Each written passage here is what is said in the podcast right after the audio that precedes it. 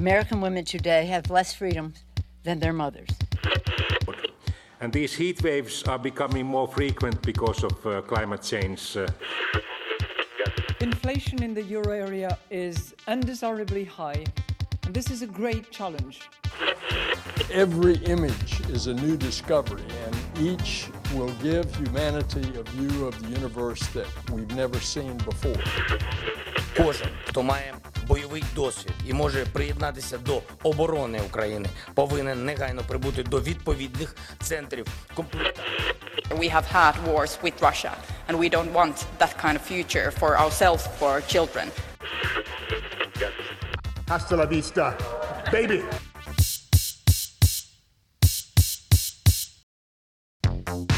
Þú ert að hlusta á heimskviður. Þáttunum það sem gerist ekki á Íslandi. Ég heiti Bjarni Pétur Jónsson. Og ég heiti Birta Björstóttir.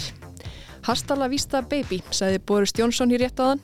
Hann er ekki sá eini sem hefur kvart fósittisáþur að stólinn breska undanfærin misseri. Nei, atbararásin í Breitlandi undanfarnar vikur og mánuði hefur einlega verið þannig að það er orðið erfitt að fylgjast almenna með hver er ráð þeirra þar og hver ekki og hvert stjórnvöld stefna yfir höfuð.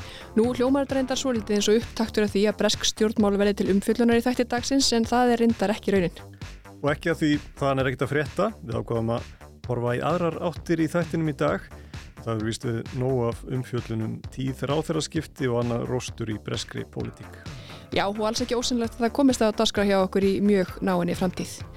En átök og pólitík koma samt fyrir í þættinum í dag. Í síðari hlutanum ætlar Sunna Valgerðardóttir að segja okkur frá einum átakasæknasta og umdeldasta manni jarðar, Kanye West. En pólitíkin verður í aðalhutverki fyrir hlutaþáttarins, er það ekki rétt? Jú heldur betur, í Svíþjóð hafa nokkrir fyrirverandi stjórnmálamenn og áhrifamenn í stjórnmálum hagnast gríðarlega undanfærin ár með því að staðsita sig á mörgum stjórnmála og atvinnulífs. Sumir hafa grætta á engavæðingu sem þeir stóðu sjálfur að, aðrir farið að starfa sem lobbyistar nær strax og þeir hættu í stjórnmálum. Óljós mörg stjórnmála þáttöku, hagsmunagesslu og fyrirtækjareksturs hafa verið gaggrind í Svíþjóð, líkt og í Danmörku, Þískalandi og víðar. Líkt og Kári Gilvason, okkar maður í Gautaborg, fjallanum. Íbrahim Bælan er ekki einn af þessum fyrverandi ráþerum sem engu kom í verk og fáir muna eftir. Sem ráþera orkumála í fimm ár stóð hann að fyrsta þver pólitíska samkómalæginu sem gert hefur verið um framtíðar orkustefnu Svíþjóðar fram til ársins 2040. Samkómalægi sem þótti marka tímamót vegna pólitískrar sáttar. Bælan var orkumálaráþera í ríkistjórn jafnaðarmanna fram til ársins 2019 og svo viðskiptar á þeirra og sérstakur samhafingar á þeirra þangað til í november í fyrra. En nú er hann hættur í stjórnmálum og hefur stopnað eigið ráðgjafafyrirtæki í orkumálum að sjálfsögðu.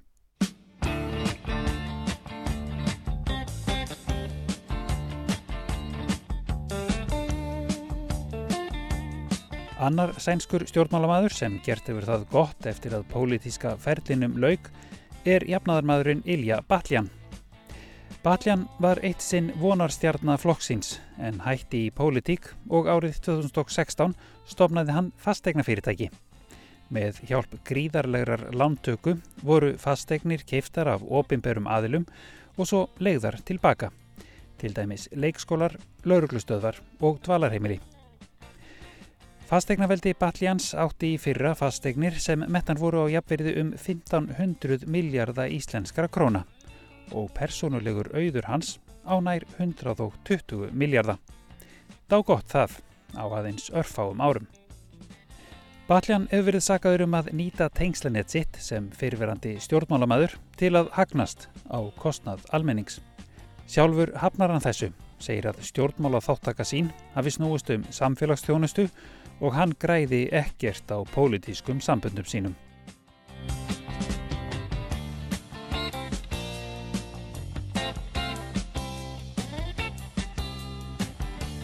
En aðrir hafa svo grætt á engavæðingu eða farið út í lobbyisma, hagsmunageslu. Pegi Emilsson hefur gert hvort tvekja.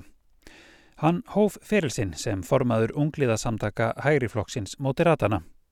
Varaformaður var Karl Bildt sem síðar varð formaður flokksins, forsættisráþera og utaningisráþera og er enn góður vinnur Emilsons. Um aldamótin stopnaði Emilsson á samt öðrum kunnskapsskólan sem nú á og rekur á þriðja tug grunnskóla og sjö mentaskóla. Emilsson og fjölskylda hans höfðu þá lengi átt og rekið ráðgjafa fyrirtækið KREAB sem sinnir hagsmunagæslu og lobbyisma. Fyrirtækið er með skrifstofur í 25 löndum og skilar árlega meira en halvum miljardi íslenskra króna í hagnað. Aðstóðarforstjóri þess er fyrirnendur Karl Bildt.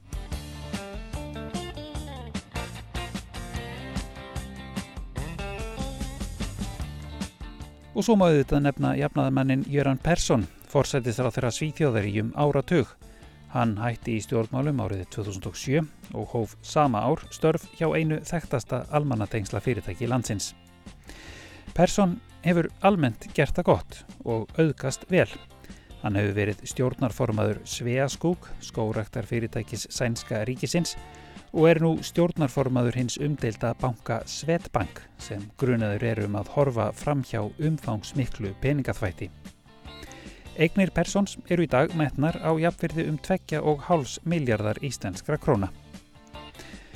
Og enn mætti telja fyrirverandi ráþerra, flokksformenn, þingmenn og embætismenn sem orðið hafa almannatenglar eða hagnast vel á annan hátt eftir að stjórnmálaferðinum laug.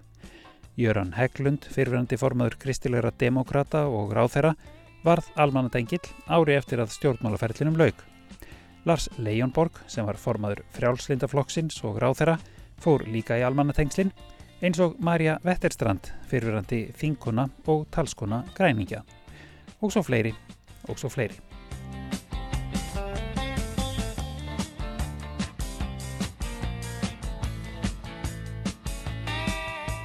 Gaggrínendur hér í Svíþjóð segja að stjórnmálamenn geti oft grætt á tengslanetti sem þeir hafi fengið með því að gegna trúnaðarstörfum í samfélaginu. Þeir geti líka notað þekkingu á og insýn í stjórnkerfið og jafnvel hagnast á lögum sem þeir komu sjálfur að því að setja. Til dæmis þegar fyrverandi stjórnmálamenn græða á engareknum skólum eða engarekstri í heilbriðiskerfinu. Men i det långa loppet så finns det ju såklart en allvarligare risk och det är att, att eh, eh, politiker alltså, går direkt, eller folk från den politiska branschen går direkt in i ett privat näringsliv och säljer väldigt specifik... Til lengri tíma er alvarleg hætta á að stjórnmálamenn og fólk úr stjórnmálalífinu fari beint þaðan í engarekstur eða atvinnulífið og selji þar mikilvægar upplýsingar og tengsl, sagði Anna Týlström, dósent við Uppsala háskóla í nýlegu viðtali við sænska ríkisútvarpið. Þetta sé þó ekki algengt. Hins vegar sé líka önnur hætta, hætta á ákveðinum sveikum við kjósendur vegna þrýstings frá lobbyistum. Kjósendur fái ekki fram þá stefnu í stjórnmálum sem þeir vilji, stjórnmálumenn geri ekki það sem þeir voru kostnir til. Risken där är ju då att väljare inte får den politik de vill ha. Att, att eh, politiker blir påverkade av andra, mm. andra saker än, än bara opinionen och vad deras väljare. Ef fólk vill eitt en stjórnmálamenn gera annað, segir Anna Tilström, þá getur það stafað af tvennu.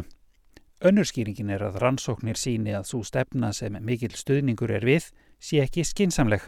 Eller så finns det en stark otillbörlig påverkan som man säger. Och man kan ju säga att inom till exempel vinster i välfärden, där har det ju pratats i de termerna att man har haft opinionsstöd.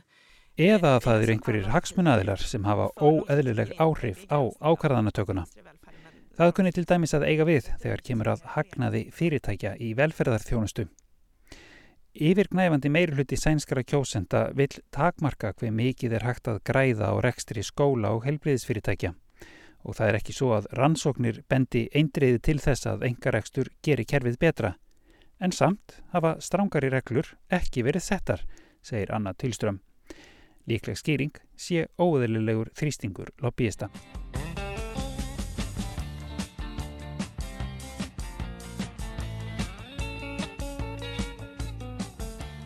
Þar til nýlega gildu engar reglur um vistaskipti úr stjórnmálum og ennbættismannastörfum yfir til engafyrirtækja hér í Svíþjóð. En árið 2018 var sett á laginnar nefnd sem heitir Karens nefnden. Þegar aðstu valdhafar landsins eins og ráþherrar eða ráðanýttistjórar vilja hverfa til nýra starfa þá þurfa þeir að tilkynna það til nefndarinnar. Hún fjallar svo um það hvort vistaskiptin kunni að skaða hagsmunni ríkisins. Sankvæmt úttækt dagans nýjetir eru þessi lög þó ekki sérlega beitt. Nemndin hefur tekið 22 mál til umfjöllunar og aðeins í tveimur tilfellum sem einhvers konar skorður voru settar við vistaskiptum umsækjandans. Annað var vegna Íbraheims Bælans sem nefndur var hér aðan, sá sem fór beint úr starfi orkumálar á þeirra í ráðgjafastörf í orkugerunum. Nemndin taldi að það gæti skadað tiltrú almennings á stjórnmálakerfið ef fyrverandi yðnaðar á þeirra og ráð þeirra orkumála geti veitt viðskiptavinum sínum upplýsingar sem hann fekk vegna þeirrar trúnaðarstöðu sem hann gengdi.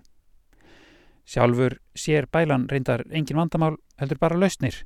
Það sé sérlega mikilvægt nú á tímum orkukreppu að leita ráða sem víðast. Engu að síður þurfti ráþeirann fyrverandi að sætta sig við ákveðinar takmarkanir. Í eitt ár frá því að hann hætti sem ráðherra, má hann ekki veita aðgangað upplýsingum sem hann fekk sem ráðherra og aðeins fáir bjöggu yfir. Eftir að árið er liðið getur hann þó held sér af fullum krafti í ráðgjafastörfin. Brjóti hann gegn þeim takmörkunum sem nefndin setti og deilir upplýsingum sem fáir höfðu aðgangað, já þá hefur það svo sem heldur engar afleiðingar. Hinn maðurinn sem þurfti að býða hafði starfað sem ráðuneytistjóri í fjármálaráðuneytinu en hætti þar til að hefja störf fyrir almannatengslafyrirtæki. Nemndin taldi ekki útilokað að mikilvægum upplýsingum innan úr stjórnaráðinu yrði miðlað áfram í nýja starfinu og því þurfti ráðuneytistjórin að láta 12 mánuði líða milli starfana tvekja. Tvær ákvarðinir af 22. Langoftast er það sem sagt ekkert vandamál að stjórnmálamenn eða embættismenn söðlu um. Ekki heldur þegar, svo dæmi sér tekið, ráðunætti stjórun í yðnaðaráðunættinu reyði sér í vinnu hjá námurísanum LKAB. Jafnvel þótt hann hafi í sínu opimbera starfi haft beina ábyrð á fjöldamála sem snertu nýja vinnuveitandan. Auk þessa hefur rannsókndagans nýjaður leitt í ljósað nefndin á ekki frumkvæði að því að skoða neyn mál og við úrskurðu sína byggir hún einungis á þeim gognum sem umsækjandin hefur sjálfur lagt fram en aflar ekki neitna gagna sjálfstætt. Ef einhver myndi síðan sleppa því hreinlega að tilkynna vistaskipti, þá hefði það heldur engar afleiðingar. Jafnvel formaður nefndarinnar viðurkennir í samtali við dagans nýheter að fyrirkommalagið sé bitlaust. Við þetta bætist svo að um stjórnmálamenn sem ekki eru ráðferrar og um embættismenn sem ekki eru ráðanýttistjórar gilda engar takmarkanir.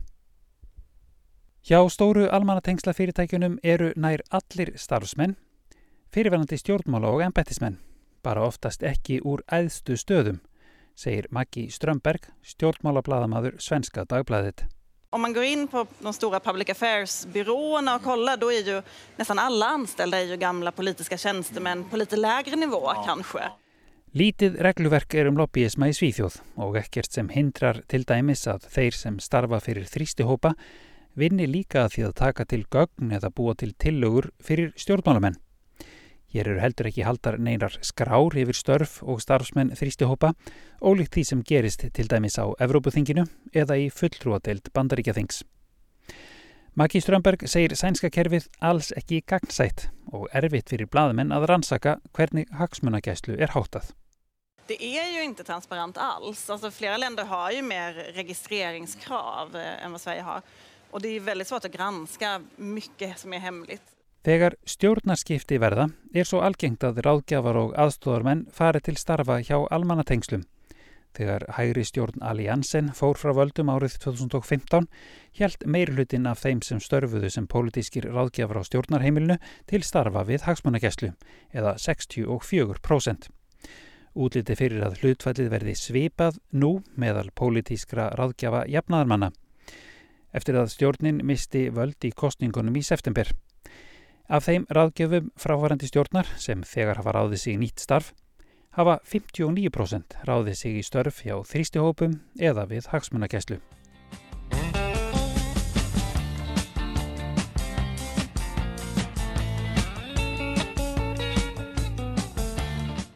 Náinn tengsl stjórnmála, almannatengsla og hagsmunagæslu hafa auðvitað verið gaggrínd miklu víðar enn í Svíþjóð. Í sumar var til dæmis fjallað um gaggríni á dönsk stjórnvöld fyrir að stjórnmálamenn færu oft beint úr ráðunætum í störf fyrir hagsmunafélög og þrýstihópa. Framkvæmda stjórn Európusabansins taldi að þetta geti skapað hagsmuna áreikstra, jafnvel dreyið úr tiltrú fólks á stjórnmálinn og ráþeirar jafnvel nýtt leinilegar upplýsingar í nýju starfi. Rætt hefur verið um að setja reglur um byðskildu 12 mánuði, þannig að danskir stjórnmálamenn og hátsettir embættismenn geti ekki farið beint úr störfum sínum fyrir hitt ofinbera til starfa fyrir engafyrirtæki í sama geira. Þeir eiga þó áfram að geta farið til annara starfa, bara ekki í sama geira og þeir syndu meðan þeir störfuðu sem embættis og stjórnmálamenn. Í Þískalandi var nýlega farið að halda skrá yfir hagsmunagæslu fólk á vegum Þíska Þingsins, búndistak. Þar líkt og víðar virðast lobbyistar og fyrirtæki markvist ráða fyrir um stjórnmála og embætismenn til starfa.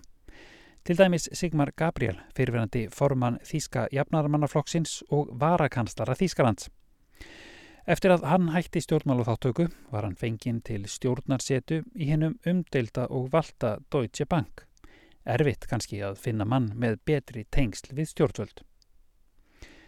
Eða Dirk Nýbel, fyrirverandi aðalritara frjálsreindra og ráð þeirra viðskiptasamstarfs og þróunar. Hann vinnur nú fyrir vopnaframleðandan Rheinmetall og er yfir tengslum fyrirtækisins við stjórnvöld og þróun strategíum á alþjóðavettmangi. Aðrir fyrirverandi ráþeirar eru með eigin almannatengslaskrifstofur eins og Joska Fischer, fyrirverandi formaður græningja. Þá eru 19 fyrirverandi stjórnmála og embættismenn á skrá Þíska þingsins sem starfsmenn lobbyista fyrirtækisins EU Top í Brussel. Lang þekktasta dæmið um hagsmunagæslu fyrirverandi stjórnmálamanns er þó án Eva Gerhard Schröter, fyrirverandi kanslari Þískalands. Schröter barðist fyrir því þegar hann var kanslari að lögð yrði gasleðsla frá Rúslandi til Þískalands, Nord Stream. Samningar tókust og Vladimir Putin fórseti Rúslands og Schröter undirrituðu þá skömmu áður en Schröter leta af ennbætti eftir kostingaósigur. Aðeins nokkrum vikum síðar hóf Schröter svo störf fyrir rúsneska gasherissan Gazprom. Flakk milli stjórnmálaþáttöku og starfa fyrir hagsmunasamtök og þrýstuhópa er heldur ekki óalgengt á Íslandi. Þar má nefna Katrínu Júliustóttur sem var fyrst yðinaðar á þeirra og svo fjármála og efnagsar á þeirra í vinstri stjórninni til ársins 2013. Hún satt áfram á þingi fram á árið 2016 en bauð sig ekki fram í þingkostningunum í oktober það ár. Hún söðlaði um og reyði sig í nýtt starf í november þegar fjármálar á þeirran fyrirverandi varð framkvæmdastjóri samtaka fjármálafyrirtækja. Annar fyrirverandi ráðherra sem hætti á þingi eftir kostingarnar 2016 var Einar K. Guðfinnsson. Hann var sjávarútagsráðherra frá 2005 til 2009 og landbúnaðaráðherra um hríð og forseti alþingis síðasta kjörtímabil sitt á þingi. Einar segir að nokkrir aðilar hafi haft samband við sig eftir að hann hætti á þingi og það varð úr að sjávarútvegsráþurann fyrirverandi réði sig til starfa hjá landsambandi fiskeldisstöðva sem starfandi stjórnarformaður. Og svo kemur líka fyrir að fólk komi úr störfum fyrir hagsmunasamtök og inn á þing eins og Þorstein Víglundsson, fyrirverandi framkvæmdastjóri samtaka Atunlífsins 2013-16 sem varð þingmaður og ráð þeirra jafnbrettis og félagsmála. Eða Þorgerður Katrín Gunnarsdóttir sem var mentamálar á þeirra 2003-9 réði sig svo til samtaka Atunlífsins sem forstöðumadur menta og nýsköpunarsviðs og snýri svo aftur á þing 2016 og varð ráð þeirra á ný. Og þá höldum við vestur um haf. Instagram og Twitter-rekningum Kanye West var lokað fyrir mánuðinu. Ástæðan er haturs orðræða tónlistar góðsangarinnar, nára tiltekið það sem fjölmilar kalla geðingahatur. West sem hefur nú breytt nafni sínu í Yei var gaggrindur harðlega fyrir ummæli sín sem hann létt falla bæði á samfélagsmiðlum og í viðtölum um meðjan mánuðin. NBC greindi frá fæslu sem West eitti reyndar þar sem hann deildi skilabóðum á milli sín og rapparans Sean Combs, betur þekktur sem Puff Daddy eða P. Diddy. Það sem West fullirtið að Combs væri undir stjórn gýðinga og vitnaði síðan í kenningar sem eru byggðar á gýðingafordómum, andúð og jafnvel hatri. Þíski íþróttavöru framleiðandin Adidas tilkynnti svo í vikunni að hann hefði slitið öllu samstarfi við rapparan. Stregaskotnir Yeezy sem rapparinn hannaði í samstarfi við Adidas hafa skilað yfir miljardi bandaríkjadala árlega í tekjur en þeir hafa verið seldir síðustu sjö ár og notið mikill að vinselda.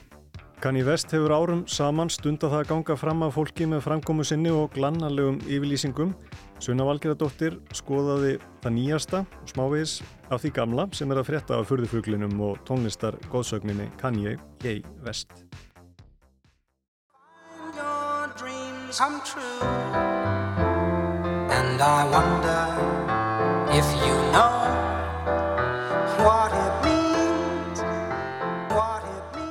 Eftir þetta nýjasta útspill Kanye West á samfélagsmiðlum sendu samtök geðinga í bandaríkjónum frá sér harð orða yfirlýsingu þar sem framkom, lauslega þýtt, að randið í West væri ótrúlegt, jafnvel miða við það sem venjulega kemur frá honum. Hann þurfi að sjá að orð skipta máli, sérstaklega svo gróf ummæli sprottin úr rótum geðingahatturs. Ef hann vill vera tekinn alvarlega sem samfélagstegn, svo ekki sér talað um tónlistarmann, ætti hann reyna að finna út hvernig hann getur opnað á sér munnin án þess að það feli í sér fordóma gagvart geðingum og hana nú. En þetta er bara það nýjasta sem er að frétta af Kanye West eða Ye. Hann mætti líka til fjölmiðlamannsins allræmda Tökkar Karlsson þar sem hann daðræði við fordóma sína og geðingahattur. Þar sakað hann meðal annars Jared Kushner sem er ekki bara vell auðugur viðskiptajöfur og tengdasónur Donald Trump, heldur líka geðingur, um að hafa reynd að nýta sér áhrif sín í Ísrael til þess að græða peninga. Það finna er, sagði Kanye West við þessu öllu saman, að ég get ekki verið á móti gýðingum vegna þess að svart fólk eru í raun gýðingar og þeir hafi bara verið að leika ykkur að mér og reynda að skjóta niður alla þá sem er á móti ykkur og ykkar bóðskap. En þó að þetta sé allt saman mjög alvarlegt, þá eru þessi ummæli öll bara drópi í hafið þegar kemur að þessum afskaplega umdelda tónlistarmanni. Hann hefur gert og sagt hluti undanfarin áratug sem fáir geta toppað. Og þar er fórsetaframbóð hans ekki einu sinni þá óvennilegasta. Eða ætlum ég láti ekki hlustendur dæma um það. Kanye Omari West fættist í Atlanta í bandaríkjónum 8. júni 1977. Hann er sem sé 45 ára síðan í sumar og gengur kvorki undir nafninu Kanye Omari nýja Kanye West lengur. Heldur svara hann nú nafninu Ye. Í þessum pistli verður hann kallaður Kanye West eða Kanye eða West, það verður allur gangur á því eins og heimsbyðin þekkir hann. En Kanye Omari ólst upp í nokkuð kvítu millistéttar hverfi í útkverfi Illinois, Oak Lawn heitir það. Fóreldrar hann skildu þegar hann var lítill strákur og hann flutti með móður sinni til Chicago. Pappans hafi verið bardumadur mikill fyrir réttindum svartra, var félagi í svörtu hliðborðunum og var sömulegis einn af fyrstu svörtu bladaljósmyndurunum í Atlanta. Pappin gekk síðar á Guðsvegum og varð kristilegur ráðgjafi og opnaði kaffihús í Maryland. Mamman, doktor Donda West heitinn, var prófessor í ennsku við Clark Háskóla í Atlanta, hún var fórseti ennsku deildarinnar í Ríkisháskólanum í Chicago og síðar varð hún umbóðsmaður sonarsins þar til hún dó árið 2007 og hefur West sagt að það hafi verið eitt stærsta áfallið í lífans. Kanye Little var snemma mjög listrætnað eðlisfari. Hann byrjaði að hripa niður ljóð aðeins fimm ára gammal og síndi fljótt mikla hæfileika í myndlist. Svo byrjaði hann að rappa og semja tónlist. Þegar hann var í sjöndabæk seldi hann fyrsta lægi sitt til annara listamanna. Hann var komin með umbóðsmann og pródusent einungis 15 ára gammal. Kanye laði snund á myndlist en sá fljótt að tónlistin væri köllunin. Hann hætti í skóla, móður hans til mikillar óanægu til að verða músikant og það átti eftir að reynast síðan mikið gæfu spór. Eða að minnstakosti átti það eftir að virka mjög vel fyrir hann eins og við flest þekkjum. Dreaming, Það er hálf fáránlegt að leita eftir efni um Kanye West á netinu, það er endalust. Í einni fréttaskýringu er hann um líst svona. Ef 20. og 1. öldin væri manneskja þá væri hún Kanye West. Egocentrísk, narsisísk, materialísk, þjáð, gjörsnitt, samvisku og góðri pólitík. Allt í lis. Kanye West er tónlistarmadur, hann er rappari, framleiðandi og fatahönnuður og það er engum blöðum um það að fletta að hann er eitt frægasti og áhrifamesti hip-hop tónlistarmadur allra tíma. Húnum hefur gengið alveg svakalega vel. En hann má lítið segja eða gera án þess að það rati í fjölmiðla en það gerir hann og segir ofta eitthvað sem er fréttnæmt, svo ekki sem meira sagt. Kanye West hefur látið alls konar ummæli falla sem er eiginlega ekki hægt að flokka sem umdelt eins og til dæmis að hann vilji sænga hjá mákonum sínum og fleira í þeim dúr. Hann hefur unnið til fjölda veluna á ferlinum 21 Grammy velun, Webby velunin, hann var maður ársins hjá GQ, tímaritinu. Hann hefur unni Brittverlun, MTV tónlistaverlunin og fleira og fleira og fleira. Hann er óumdeilt einn farsælasti hip-hop tónlistarmadur heims. En hann er sömulegðis ein umdeldasta stjarnaheims á sama tíma, ekki bara umdeldasti hip-hop tónlistamæðurinn. Alveg frá því að hann fór að láta almennilega í sér heyra hefur hann verið rifin, sundur og saman af fjölmiðlum, gaggríndur af vinum sínum og fjölskyldu og afskrifaður sem geðsjúklingur. Fíkill, narcissisti, rasisti, trúarnöttari og svo það nýjasta, geðingahattari. Hann hefur verið kallaður kaotískur, taugaveiklaður og óutreiknanlegur en kannski fyrst og fremst sorglegur. Kanye West er mjög sérstakur svo ekki sem meira sagt. Fáir tónlistarmenn hafa ratað jafn oft í fréttinnar fyrir umdeldar gjörðir og skoðanir en hann. Það líður varla svo vika þar sem engin frétt byrtist um hann. Og þá er ég ekki að tala bara um gulupressuna. Stórir miðlar segja reglulega fréttir á hannum. Guardian, BBC, Reuters, Fox og CNN og Ríkisútvarpið. Þar kennir nú Ímisa Grasa af fréttum um Kanye West. Þau hjónakortnin fyrverandi Kim Kardashian og Kanye komu til dæmis til Íslands 2016 og vöktu gífurlega aðtegli með fyldarlið og tökuvélar við hvert fótmál því að þau voru jú raunveruleika stjórnur. Þau fóru allt annað en lengt um götur borgarinnar og um það var skrifað í fjölmjölum. West tók meira að segja upp lag á Íslandi, gesta vers fyrir lag Mary J. Blige, Love Yourself.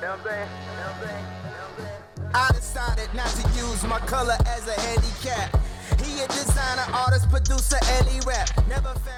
Valger Sigursson, tónlistarmadur og upptökustjóri saði við Rúf að hann hafi þurft að skrifa undir heilmikinn pappir um að hann mætti ekkert segja neitt í heillangan tíma. Fyrst kom lífvörður og tók út hljóðverið og svæðið í kring til þess að ganga úr skugga um að allt væri örugt. Kanye West hafi komið svo í fyllt eiginkonu sinnar Kim Kardashian laust fyrir miðnetti. Kim laði sig á sófanum og þau voru þarna eitthvað fram á nótt og kláruðu þetta. Þetta var allt saman 2017 og það hefur margt breyst síðan þá. Strax ári síðar var tónlistarmæðurinn aðeins meira en umdeldur. Hann var hardlega gaggrindur og kannski réttilega. Hann var í viðtali við vefmiðlinn TMC að útskýra hvers vegna hann væri stuðningsmaður Donald Trump, hvers vegna hann væri ítrekkað að byrta myndir af sér með Make America Great Again húfu og fleira í þeim dúr. En svo sett hann í fymta gýrin í viðtalinu og sagði að þrælahald og þrældómur svartra bandaríkjamanna í 400 ár hliti að hafa verið byggt á valið þeirra, á valið þrælana sem sé. People try to minimize me to artists, hip-hop, uh, black community, yeah, I'm always to represent that, but I also represent the world. When you hear about slavery for 400 years, for 400 years, that sounds like a choice. like, you was there for 400 years and it's all of y'all? You know, like, it's like we're, we're mentally in prison. I like the word prison because slavery goes too, too direct to the uh, idea of blacks. It's like slavery, Holocaust, Holocaust Jews, uh, slavery is blacks. I think what you're doing right now is actually the absence of thought. And the reason why I feel like that is because Kanye, you're entitled to your opinion. You're entitled to believe whatever you want. But there is fact and real world, real life consequence behind everything that you just said. And while you are making music and being an artist and living the life that you've earned by being a genius, the rest of us in society have to deal with these threats to our lives. We have to deal with the marginalization that has come from the 400 years of slavery that you said for our people was a choice. Frankly, I'm disappointed, I'm appalled, and brother, I am unbelievably hurt by the fact that you have morphed into something to me that's not real. Þarna heyrðist í TMC-pródúsentnum Van Leithan sem gæti ekki setið á sér þegar hann heyrði stórstjörnuna og ædólið sitt segja að 400 ára þrælahald hafi verið val. Hann hafi aldrei hitt Kanye West fyrir þarna á skrifstofunni en hafi verið gallharður aðdáandi hans lengi eins og heyrðist. Þetta var 2018.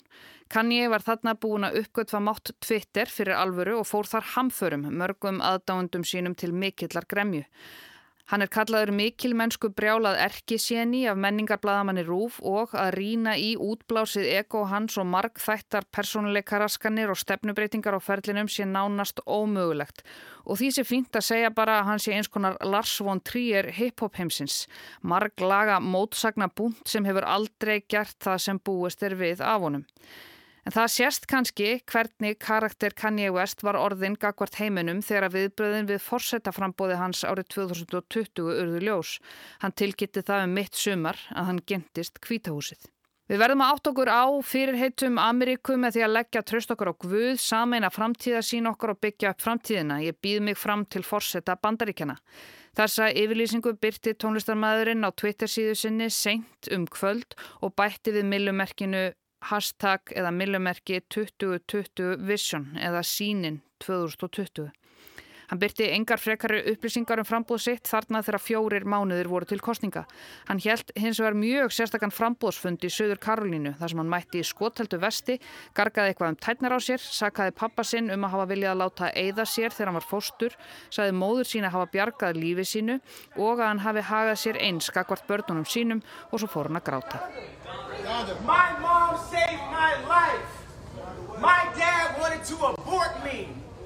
There would have been no Kanye West because my dad was too busy.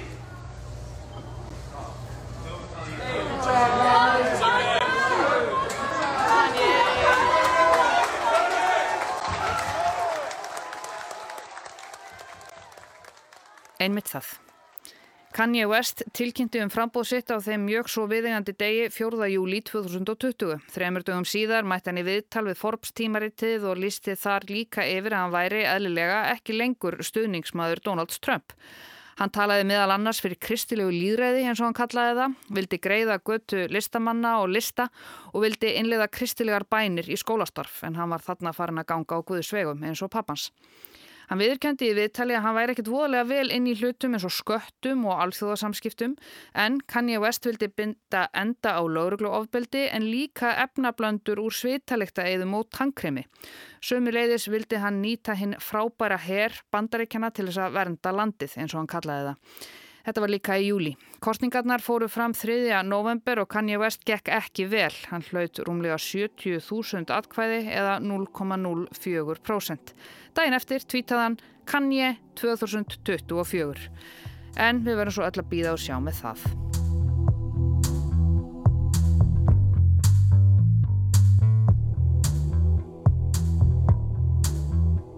Það hafa flest skoðun á Kanye West, meira segja Leonard Cohen. Hann hafði reyndar svo mikla skoðun á honum, hann samti ljóðumann árið 2015.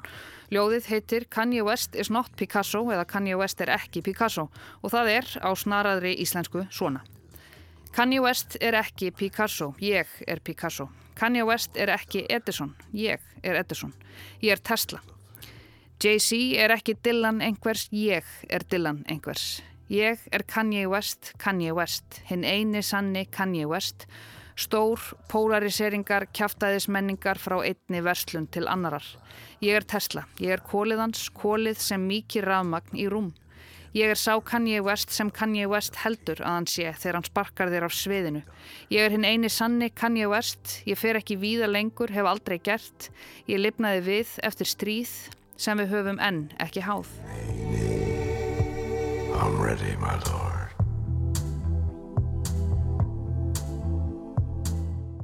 Ljóðans Cohen fekk misjafnar móttökur. Mörg töldu hann vera nýða skóin af vest og draga niður í svaðið með vopninu sem fáir hafa náða beita eins vel og hann, pennanum. En síðan, eftir að fjölmargir ljóða á list spekulantar spáðu og spekuleruðu í ljóðinu virtist þið andstæða koma í ljós. Það er að segja að ljóðans Cohen um West var honum til heiðurs. Versta Cohen er því miður ekki lengur á meðalvor til þess að annarkvort staðfesta þetta eða vísa á bug, en svo veriðist samt sem áður að ljóðið sé útpælt út í ystu æsar. Þessar Tesla Edison línur eru víst tilvittnanir í texta bæði Jay-Z og Kanye til dæmis. Ótrúnlegt en satt þá verist West enn ekki hafa svarað þessu ljóði Cohens eða tjáð sig um það. Kanski veit hann ekki einu sinni af því. Ég efa það samt. You want it darker. Það er auðvitað ekki hægt að fjalla um Kanye West að nokkru viti á þess að minnast á eiginkonu hans fyrfirandi, raunveruleika stjórnuna Kim Kardashian. Þau byrjuðu að hittast 2012 og voru skilinn tæpum áratug síðar. Í millitíðinni giftuðu sig, eignuðust nokkur börn, leku aðalhutverkin í vinsælustu raunveruleika þáttum heims, Keeping Up with the Kardashians. Þau stopnuðu nokkur fyrirtæki, fóru í endalus viðtöl, kom til Íslands og svo líka væntalega einhverja annara landa, meðal annars. Það var svo í byrjun síðasta árs sem fréttir tóku að berast af yfirvofandi skilnaði Kim og Kanye. Hún var vist komið með nóg eftir ítrekkaðar tilraunir til að halda hjónabandinu gangandi, hjónabandsráðgjöf og allt það venjulega sem pör gera til þess að reyna að laga sambandi sitt. Það sem gerði þessar tilraunir hjónakortana sérstakar eða frábröðunar tilraunum annara para var að þetta gerðist eins og nánast allt annað sem þau tóku sér fyrir hendur fyrir allra augum. Fjöldi ónafngreindra heimildamanna fylgti svo upp í eðurnar við fjölmiðlana þar sem var sagt að Kim hefði lagt sig fram um að vera til staða fyrir Kanye í glímu hans við gæðrann vandamál en nú vildi hún einbytta sér að því að verða lögmaður. Þetta var sem sé á svipum tíma og Kanye var að máta sig við fórsetastólinn. Álægið yfir meðalægi á heimilinu skildi maður ætla. Hann var sumi leiðis sagður hafa fengið upp í koka því sem hann kallaði yfirdrifin lífstíl Kardashian fjölskyldunar og raunveruleika þátt að lífi þeirra og það sem ekki kom fram í þáttunum eða blöðunum og netinu bættu Kim og Kanye við á samfélagsmiðlum, sérstaklega Twitter. Í júli í fyrra sagði Kanye til dæmis að hann hafi verið að rempast við að fá skilnað, sakkaði eiginkonu sína um að reyna að neyða sig í geð meðferð og kallaði mömmunar, tengdamömmu sína, öllum íllum nöfnum. Ég ætla að láta það ógert að fara nákvæmlega ofan í Paris Fashion Week eða tísku vikuna í Paris og nexlið sem að hún skapaði þar sem tísku góðið Kanye West klættist ból með merkingunni White Lives Matter eða hvít líf skipta máli. Kanye sjálfur er svartur og hann let reyndar mótelin sín klæðast þessum bólum líka. Svo ætla ég heldur ekkert að fjalla mikið um ummæli hans um að Black Lives Matter hreyfingin sé öll byggð á legum og samsæri vonds fólks. En það voru svo nýjustu uppáttæki hins einhleipa Kanye West sem þessi þáttur hófst á. Hann mætti til Tucker Carlson sem er hægri sinnaður álitskjafi og fjölmiðlamaður á Fox sjónvastöðinni fyrir stuttu og vakti það við tal mikla aðtegli eins og flest allt sem þeir félagar taka sér fyrir hendur. Good evening and welcome to Tucker Carlson. Tonight you may have seen just a... Þetta var langt viðtal klukkutími og Carlson laði mikið á sig til þess að sína áhorfendum fram á og Kanye West væri bara alls ekkert veikur á geði og það væri bara ekkert af því sem hann hefði að segja, svona í stuttum máli. Hann rósaði West til dæmis fyrir að hafa verið í White Lives Matter bólnum sínum. Það voru svo einhverjir bútar í þessu viðtali sem voru kliftir út þeir þóttu of grófir jafnvel fyrir Karlsson og West og þá er mikið sagt. En Guardian greindi svo frá því um miðjan mánuðin að þessir bútar hafi einmitt verið á mjög rasískum samsæriskenninganótum þar sem þeir félagar ná á einhvern undraverðanhátt að tala illa um ótrúlega marga og fjölmenna þjóðfélagshópa en sérstaklega geðinga. Think about us judging each other on how white we could talk would be like, you know, a Jewish person judging another Jewish person on how good they danced or something. I mean, that's probably like a bad uh, example when people are going to get mad at that shit. I probably want to edit that out. Aren't I just a great interviewing of your good friends? Það þarf vist ekki að taka fram að þessi sem við heyrum hlæjað þarna er hinn kvíti Tökkar Karlsson. West fer líka yfir það að hann hafi fengið COVID-bólusetningu þrátt fyrir að hafa haldið fram að það séu satanist plott stjórnvalda til þess að koma tölvuflögum fyrir inn í fólki og svo sagðan jú líka að einhver hafi komið gerfi börnum fyrir inn í húsunans til þess að blekja alvöru börninans. Allavega. Þegar þetta er lesið þá eru Instagram og Twitter rekningar Kanye West læstir og lokaðir. Það er svo bara spurning hvort þau verði opnaðir að nýju fyrir komandi fórsættaframbóð hans 2024 ef af verður. Sjáum til með það. Það verður eflaust nóanað að frétta af Kanye West þó að fórsættaframbóðið verði ekki að veruleika. Niggas is savage, niggas is monsters, niggas is pimps, niggas is players, to niggas had daughters, now they precautious, father forgive me. I'm scared of the karma, cause now I see women as something to nurture, not something to conquer. I hope she like Nikki, I make her a monster. Now having menages, I'm just being silly. I answer the door like Will Smith and Martin. Nigga, do we have a problem? Matter of fact, Marlon. This ain't meet the Farkas. I beat his ass, pray I beat the charges. No daddy don't play, not when it comes to their daughters. Don't do no yoga, don't do Pilates. Just play piano and stick to karate. I pray your bodies, drink more like mine and not like your mommies. Just being salty, but niggas is nuts. And I am a nigga, I know what they want. I pray that you don't get it all at once. Curves under your dress, I know it's pervs. All on the net, all in the comments. You wanna vomit, that's your baby, you love her to death. Now she cutting class and hanging with friends. You break a glass and say it again. She can't comprehend the danger she in. If you whip her ass, she moving with him. Then he whip her ass, you go through it again. But how you the devil rebuking the sin? Let's pray we could put this behind us. I swear that these times is the wildest. She got the scars, they serve as reminders. Blood still on her pajamas, but yesterday is dead, yeah. Moment of silence. Next should be off the collars and then at the altar. Cause she know that niggas is savage. Niggas is monsters. Niggas is pimps. Niggas is players. To niggas had daughters. Niggas is pimps. Þetta verða loka orðin í heimskviðum þessa vikuna. Í þættinum í næstu viku ætlum við að fjalla um þingkostningarnar í Danmörku sem framfara á þriðjudaginn kemur. Og við heyrum að sjálfsögðu fleiri sögur utan úr heimi í næstu viku. Takk fyrir að hlusta í dag. Verðið sæl.